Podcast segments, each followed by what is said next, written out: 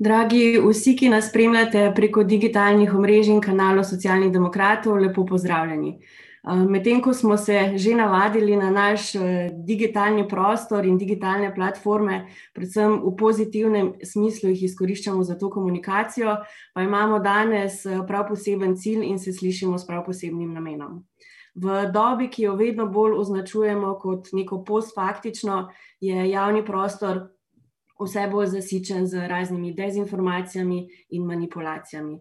Izdatno možnost ti procesi najdejo prav v teh novih tehnologijah, kjer preko družbenih omrežij, raznih medijskih platform in drugih orodij neposredno teče ta tok lažnivih novic. To resno grožnjo je prepoznal širši evropski prostor in medijska javnost in številne države so se že odzvale z oblikovanjem politik za njihovo preprečevanje, V Sloveniji pa je ta tematika še toliko bolj pereča, saj prav določena politična opcija uporablja to orodje z namenom izkrivljanja resnic, ki jih namerno in z nekim političnim motivom lansirajo med ljudmi. Socialni demokrati smo zato prepoznali našo aktivno vlogo in potrebo, da se zoprstavimo tem pojavom.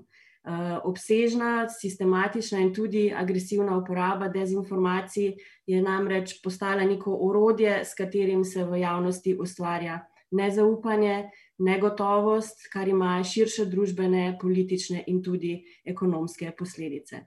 Socialni demokrati smo zato ustvarili projekt Samo dejstva. V naši družbi zato pozdravljam Mateoša Frangeža, strateškega komunikatorja socialnih demokratov in enega vodilnih pri zasnovi in sami izvedbi projekta Samodejstva. Mateoš, narejeno je bilo veliko delo, gre za resen in odgovoren projekt.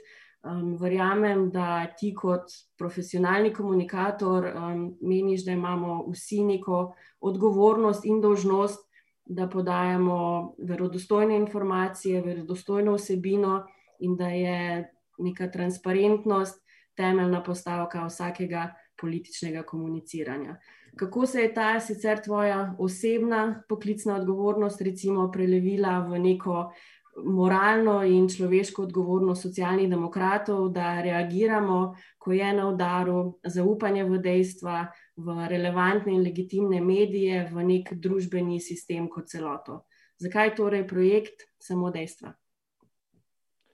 Zato, ker verjamemo, da se je mogoče proti lažem boriti le z resnico, le z dejstvi. Zdaj ta projekt, ki je v bistvu nova politična inovacija socialnih demokratov v slovenskem političnem prostoru, je pravzaprav eh, nastal eh, na podlagi ideje dr. Jrneja Štromajerja po zgledu podobnih eh, fact-checking strani v svetu. Zdaj mi se zavedamo, da preverjanje dejstev dostavljanje resnice ni izključno naša naloga. To nalogo in to poslanstvo vsak dan opravljajo številne novinarke in novinari, zato da v svetu številnih dezinformacij izluščijo tisto, kar je res in to dostavijo vsem nam, celotni javnosti. Zdaj, res je, kot pravi, živimo v nekem postfaktičnem svetu, um, ki se sooča s poplavo lažnih novic, izkrivljanja dejstev, številnih medijskih manipulacij. To pa je žal tudi nevaren politični modus operandi. Um, in v tem pogledu se socialni demokrati pridružujemo vsem tistim, ki uh, kot svoje človeško, etično, um, pa tudi poklicno poslanstvo razumemo delo z dejstvi, delo za resnico. Uh, pri tem ne gre le za laži o socialnih demokratih samih ali o naših ljudeh, še pomembneje je pravzaprav razkrinkati vse tiste laži, ki se usiljujejo kot podlaga za sprejemanje javnih odločitev. In zato projekt samodejstva. Se upravičujem. Um, Mateoš, omenil si razkrinkanje laži in manipulacij o ljudeh, o dejstvih same socialne demokracije. Nekateri od teh laži krožijo že dlje časa. Zakaj je projekt samo dejstva šele sedaj?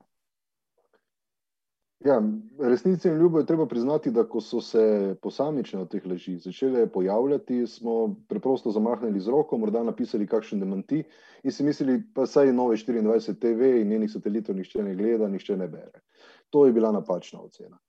Te laži so se do danes močno zakorenile, prodrle na družbena omrežja, kjer so jih seveda ljudje dobroverno delili, jih prebirali, Um, k temu pa je seveda prispevala celotna mreža povezanih SDS-ovih eh, medij. In na ta način se je pravzaprav so se te laži pojavile kot neka alternativna resnica. Zato je danes kot splošno sprejeto neka bistva, bistvo laž, da smo socialni demokrati ukradli judovsko vilo, da smo za študije zapravili 74 milijonov, da smo glavni krivci za te šest in da smo izgubili slovenski teran.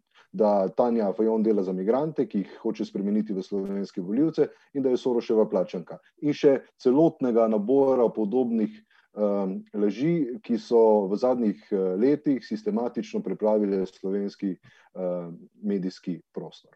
Nič od tega ni res, zato smo ustvarili to urodje, da s pomočjo dejstev, argumentirane razprave, umirjene razprave, razkrinkamo laži.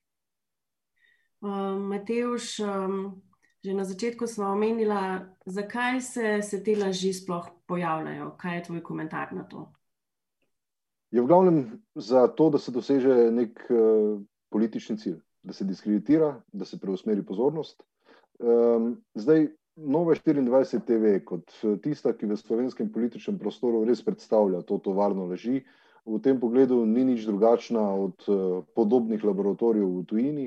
Um, podobno izkušnjo uh, imajo že desetletje na mačarskem, samo spomnimo se tiste razprave uh, letošnji pomladi. Ko je mednarodni sekretar mačarske socialistične stranke pravzaprav predstavil dobesedno priročnik kako se pravzaprav s pomočjo medijskih manipulacij, leži, eh, ne samo kreira javno mnenje, pač pa seveda ustvarja ena trajna podlaga za trajen naskok na oblast. Um, samo pogledajmo v zadnjem tednu, ne, kako je v delu ameriške javnosti prevladal um, ta očitek o tem, da so bile ameriške predsedniške volitve ukradene, kljub temu, da v uh, celotnem medijskem prostoru za to ni bil predstavljen niti en opremljiv uh, dokaz s tem se soočamo. Jaz mislim, da moramo vsi skupaj spoznati, da je resnično delo za javno dobro, za ljudi, delo, eh, ki mora vedno temeljiti eh, na dejstvih, ali kot smo si izposodili eh, kot slogan tega projekta, znan citat: Vsakdo ima pravico do svojega mnenja, a nišče nima pravice do svojih dejstev. Mateoš, hvala. Vse bomo povabila, da še naprej spremljajo oziroma začnejo spremljati samo dejstva.si. Danes pa že skupaj bomo soočili prvo to laž oziroma laž soočili z prvimi dejstvi, ali je država za študije o dolgotrajni oskrbi res namenila 74 milijonov evrov. Poglejmo prispevek. Med najbolj zakorenjenimi lažmi, ki so že postale neka alternativna resnica, je zgodba o 74 milijonih, ki naj bi jih država porabila za študije o dolgotrajni oskrbi. Ne za nujno potrebne domove za starejše, ne za kader, ampak za študije. Zgodbo o tem je razširila Nova 24 TV. Večkrat jo je retvital Janez Janša, pa jo že Tanko in medijski sateliti SDS. Na koncu je bila laž o 74 milijonih evrov za študije povsod. Ljudje so bili upravičeno ogorčeni. Ampak je vse to res? Resnica je namreč drugačna. Država je naročila in plačala le eno študijo v vrednosti 70 tisoč evrov. Ta študija naj bi pripravila podlage za pilotne projekte, ki bodo podpirali prehod v izvajanje sistemskega zakona o dolgotrajni oskrbi. Izvajalec študije je Inštitut Republike Slovenije za socialno varstvo, katerega edina ustanoviteljica je država. Za študijo je država javnemu inštitutu, ki je v to vložil nekaj let dela in predstavil konkretne rešitve, plačala ne 74 milijonov, ampak 70 tisoč evrov. Teh famoznih 74 milijonov evrov za študije je povzetih po tabeli v reviziji računskega sodišča, ki na strani 95 opredeljuje projekte, da država uresniči cilj: razvoj skupnostnih storitev dolgotrajne oskrbe. Ta cilj in te projekte je država predvidela v partnerskem sporazumu in operativnem programu za črpanje evropskih sredstev v obdobju 2014-2020. Gre za razvoj tistih storitev, ki naj bi bila starejšim in drugim uporabnikom na voljo na njihovih domovih in v medgeneracijskih ter dnevnih centrih. Da je bilo poročilo računskega sodišča nekoliko zlorabljeno, je na seji odbora v državnem zboru priznal tudi Miro Krajnc, vrhovni državni revizor. Rekl je: Pri 74,5 milijona gre za namenjena in ne še za porabljena sredstva. Zgodba o 74 milijonih evrov za študije je tako milo rečeno izmišljena, iz političnih motivov pa močno napihnjena. Seveda je na mestu vprašanje, zakaj država s tolikšnim paketom evropskih sredstev ni zgradila desetih domov za starejše. Odgovor je enostaven. V zadnji finančni perspektivi Evropske unije med letoma 2014 in 2020 izgradnja domov za starejše iz evropskih sredstev žal ni bila mogoča. Ne zato, ker bi se tako odločila takratna ministrica dr. Anja Kopač, ampak zato, ker se je tako odločila Evropska unija. Na zadnje je bilo iz evropskih sredstev mogoče domove graditi v finančni perspektivi 2007-2014. Takrat bi Slovenija lahko gradila domove za starejše, a te priložnosti ni izkoristila. Bolje rečeno, te priložnosti ni izkoristila prva vlada Jana Zajanše. Nekaj domov je bilo vseeno zgrajenih ali obnovljenih. V zadnjih 15 letih je bilo v domovih spostavljenih 4500 novih mest, od tega 1000 v javnih domovih.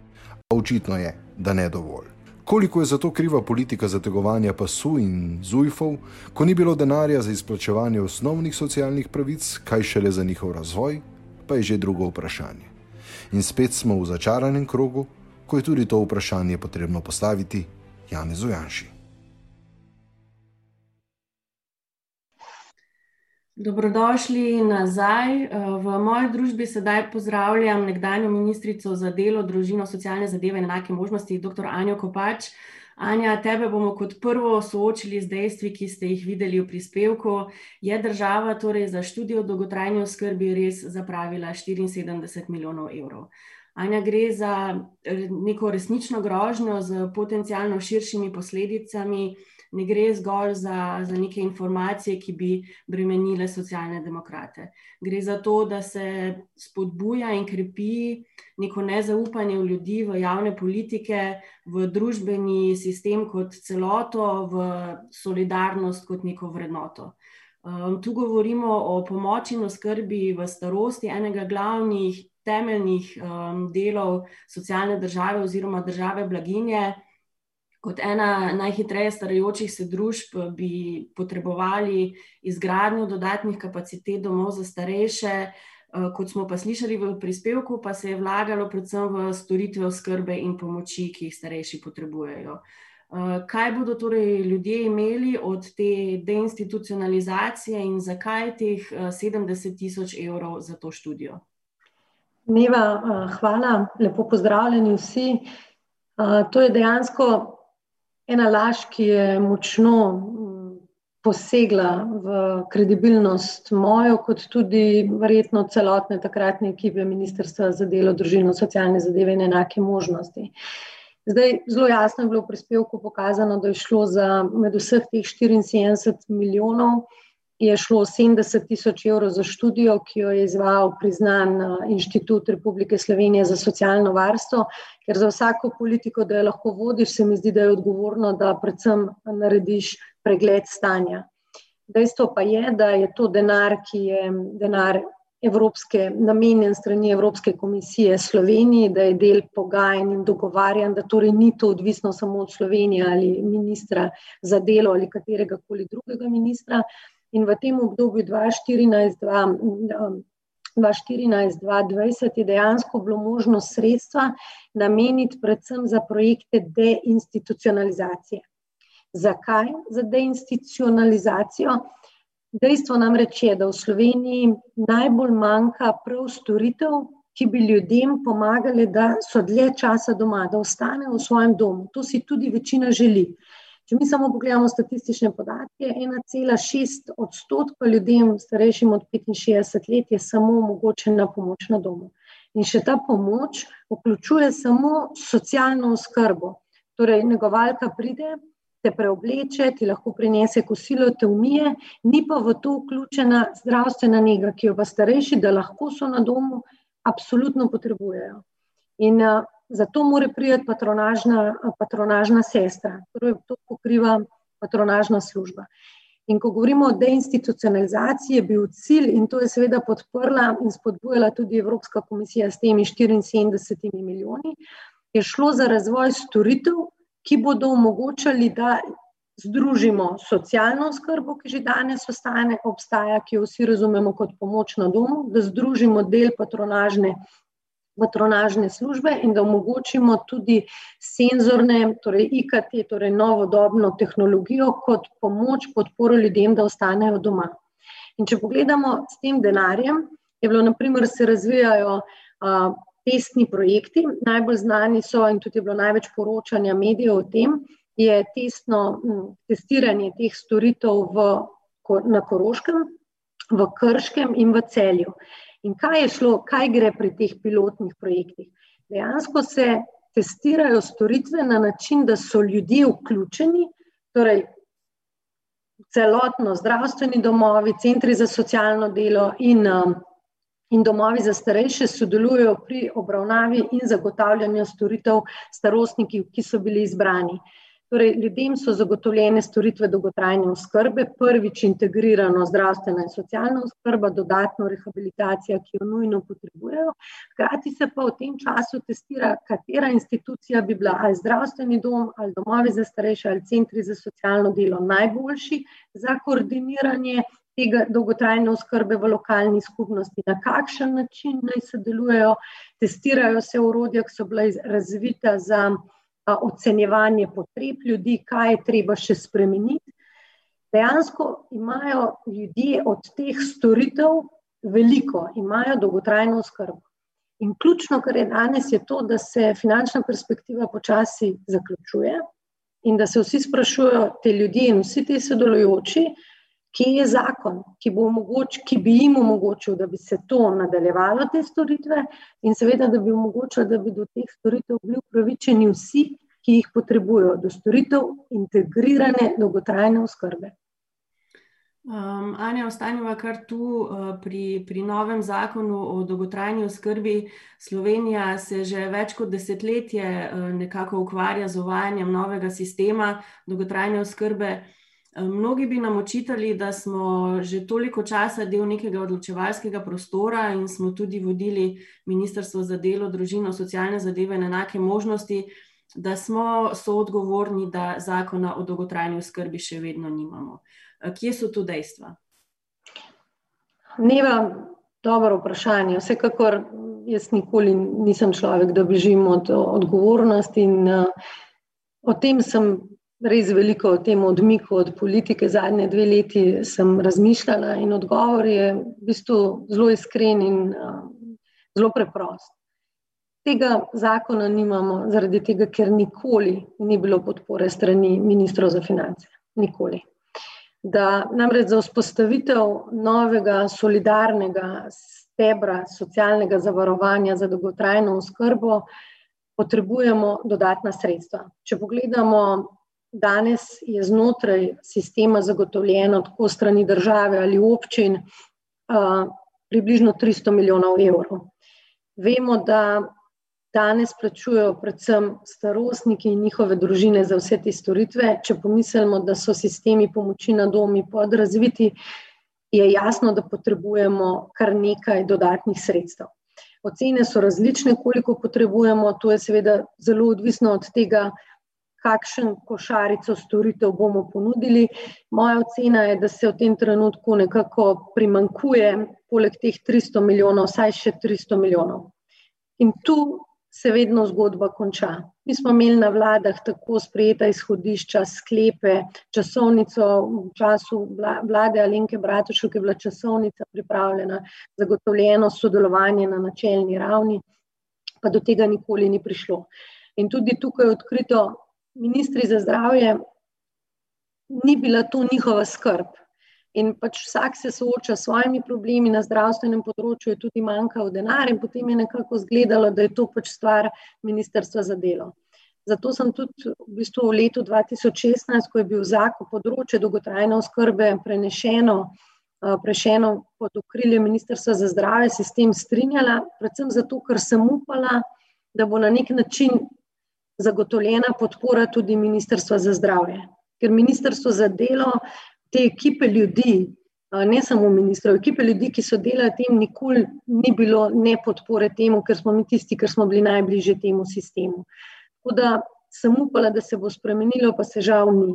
In če pogledamo danes situacijo, je zelo podobna. Ministr za zdravje je avgusta predložil v javno, javno razpravo, dal zakon, do oktobra je bila v javni razpravi, kar smo slišali, je bilo nasprotovanje ministra za zdravje.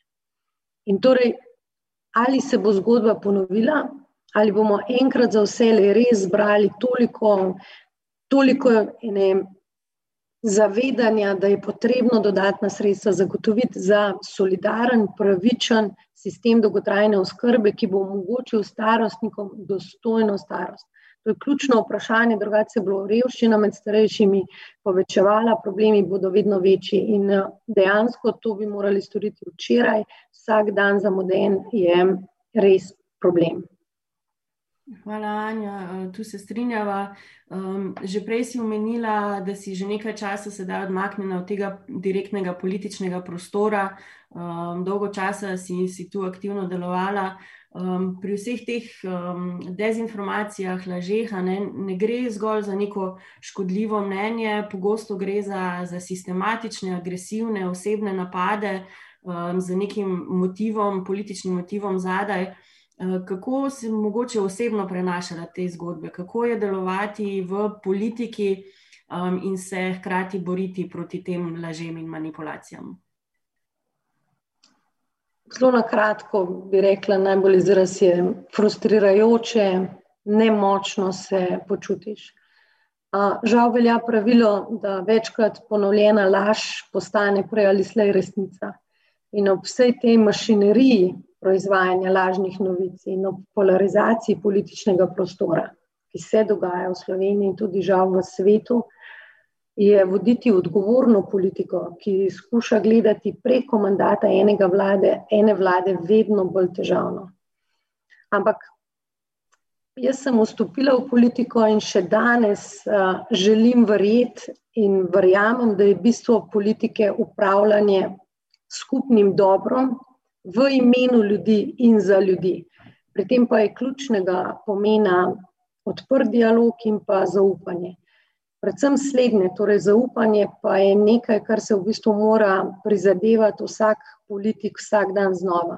In to danes, ob mašineriji proizvajanja lažnih novic, je vedno bolj zahteven in res frustrirajoč proces. In tu ostaja dejansko vloga medijev izjemnega, ključnega pomena. In zato tudi danes žal gledamo vse te napade na neodvisne medije in poskus njihovega podrejanja.